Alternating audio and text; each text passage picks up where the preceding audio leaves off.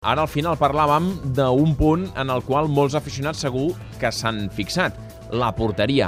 Ter Stegen és el porter de la Champions, això ja ha quedat molt clar. Claudio Bravo és el porter de la Lliga i ahir va tenir la mala sort, sobretot en el segon gol del Barça, de quedar retratat per una errada. Una pilota centrada al segon pal que Ter Stegen surt, no l'arriba a tocar, Rakitic tampoc i entre l'un i l'altre rematada de Berratti, el més baixet de tots pràcticament que aconsegueix el gol. I això ha generat el dubte sobre què ha de fer Luis Enrique, si és encertat o no canviar els porters entre segons quines competicions, si això pot marcar en el futur a Ter Stegen a la porteria del Barça. Xavi Campos, bona tarda. Bona tarda, Òscar. Sobre porters, sobre Bravo, sobre Ter Stegen, has estat preguntant avui i has volgut saber què ha de passar a partir d'ara a la porteria blaugrana. A Eh? porters, hem preguntat a, a porters i hem preguntat sobre dues qüestions. La primera, l'actuació concreta d'ahir de, de Ter Stegen, i la segona, que és on hem trobat reflexions més interessants mm -hmm. o, o que trenquen una miqueta més amb el que és políticament correcte sobre el sistema de rotacions a la porteria de, de que, Luis que Enrique. s'està posant de moda, eh? Sí. perquè ara ho fa Luis Enrique, però vam veure que ho va intentar el Cholo Simeone, tot i que avui em sembla que ja s'han desfet aquestes rotacions a la Champions, i l'any passat Ancelotti ho va fer al Madrid. Un dels porters que hem consultat està d'actualitat, és Pello Artola, que pot perdre un, un rècord de fa més de, mm -hmm. de 30 anys, que és el rècord d'imbatibilitat en el començament d'un campionat de Lliga, i el pot perdre aquest dissabte en favor de Claudio Bravo. Si el Barça no rep cap gol en els primers 20, 20 minuts de, de Vallecas, el rècord d'Artola de la dècada dels 70 Quedarà serà jubilat. per, per, per aquest Barça i concretament per al xilè Claudio Bravo. Aquest és Artola i la seva valoració sobre el que va fer ahir Ter Stegen, sobretot la, la sortida d'Alemanya en el 2 a 1 al córner. en ese segundo gol, yo creo que fallaron bastantes, no solamente, no solamente Ter Stegen, que calculó mal la, la salida, pero, pero yo creo que aparte los defensas también pues, estuvieron muy poco, muy poco acertados a la hora de, de sacar, la- de sacar el balón, de defender el- esa, esa, esa jugada. ¿no? O sigui, que, que Ter Stegen no va estar bé, però mm. la responsabilitat de, del 2 a 1, el gol de Berratti, El també reparteix, el ha de reparteix ser entre per la més gent. defensa. L'altra opinió que hem buscat, la de Pere, Valentí Mora. A veure si, si es posa al costat de, de Ter Stegen o, o, o l'assenyala. A mi em sap molt de greu tot això, perquè eh, veig que carreguen molt les tintes contra el porter i el porter l'únic que va tindre és un fallo. Va tindre el fallo de la sortida de d'aquest corna, o eh, aquesta jugada que, que va sortir malament, que no la van a buscar a dalt, que, la, que el, tio li remata a baix, però que tampoc està marcat per cap defensa, però de totes formes, a, a l'actuació general de tot el partit el que va fer ho va fer bé, ho va fer bé i molta seguretat, o sigui que, que si no has tingut aquest gol era, li era donat un, un notable i aquest gol pues, li fa baixar nota. O sigui que mm, Ter Stegen és veritat, va cometre l'errada del 2 a 1. No però el salven enllà- del tot, però també diuen que és injust culpar-lo del tot. Correcte. La segona qüestió, aquestes rotacions de Luis Enrique a la porteria.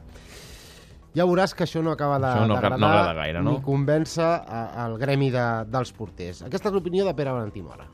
han creat una situació aquí al Barcelona amb els dos porters, i ara un, ara l'altre, i tot això, que això no crea, no crea confiança ni el que juga ni el que està a fora, i, i pues, pues tenen, tindran que jugar amb, amb aquesta pressió. I aquesta és la d'Artola, que ja veuràs que si fa no pas el Encara mateix. menys, no? A mí no, no, no me agrada. Sinceramente no, no, me, no me gusta. Yo creo que el portero tiene que tener muchísima confianza, tiene que salir eh, con, con- con- con absoluta confianza y eso creo que es lo que lo que lo que tiene que, que ser. Hoy en, hoy en día con tantas rotaciones, pues no sé, no sé si es bueno o es malo. Quan diuen no sé si és bueno o és malo, vol dir que està convençut que no, que no li Són agrada. porters Com a mínim que, no li agrada. Que van, van... Són clàssics, Són i els clàssics, clàssics, sempre sí. volien, no només en la porteria, sinó era allò de recitar l'11 de memòria, eh? i això de les rotacions, Tam- normalment els clàssics no és s'acaben de convèncer. que el clàssic o el tòpic diu que el porter necessita una mica de continuïtat Mhm. per fer-se amb les mides, amb, Amb els espais porteria. de la porteria i, de, i dels voltants de l'àrea, i això, en el cas de Ter Stegen, que juga un partit cada tres setmanes, doncs és més difícil d'aconseguir que en el de Claudio Bravo, per exemple. Mm.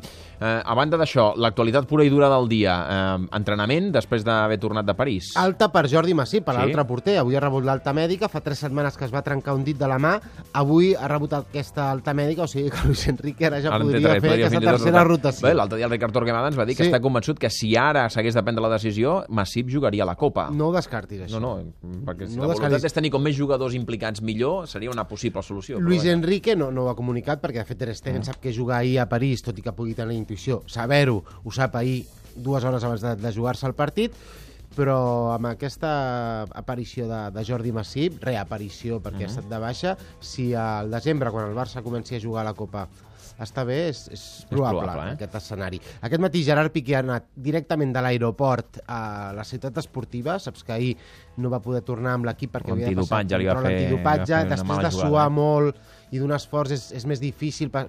de fet Piqué va ser suplent, però No, no va suar gaire. però no va tenir temps, no va tenir temps de, de passar eh, el control antidopatge per tornar a l'equip i ha tornat aquest matí. Neymar no s'ha entrenat, és veritat Ah. que va acabar el partit molt fatigat i avui quan ha arribat a Sant Joan d'Espí ha dit que no tenia prou forces per entrenar-se ni que fos eh, amb una sessió de recuperació com la que teníem prevista per ell i s'ha fet que s'ha quedat fent treball específic i per tancar una notícia sobre Dani Alves. Mhm. Aviam, Dani Alves diu que aquesta serà la seva última temporada al Barça. De fet, acaba contracte aquest any, acaba contracte el 2015.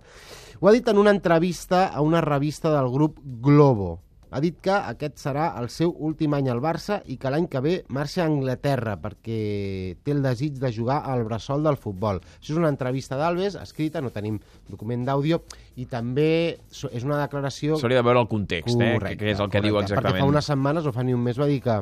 que tenia un any més i que ell volia quedar-se 2016. un any més. Després va quedar entès que no era ben bé així. A dia que d'avui. I a partir del que diu aquesta ent- entrevista, Alves té previst marxar a Anglaterra a la temporada que ve. Però som a l'octubre, tot just començant l'octubre. D'aquí al mes de maig, juny, ja en parlarem, pot canviar molt. Però ara mateix, eh, doncs això, eh, Alves voldria marxar del Barça i anar a Anglaterra.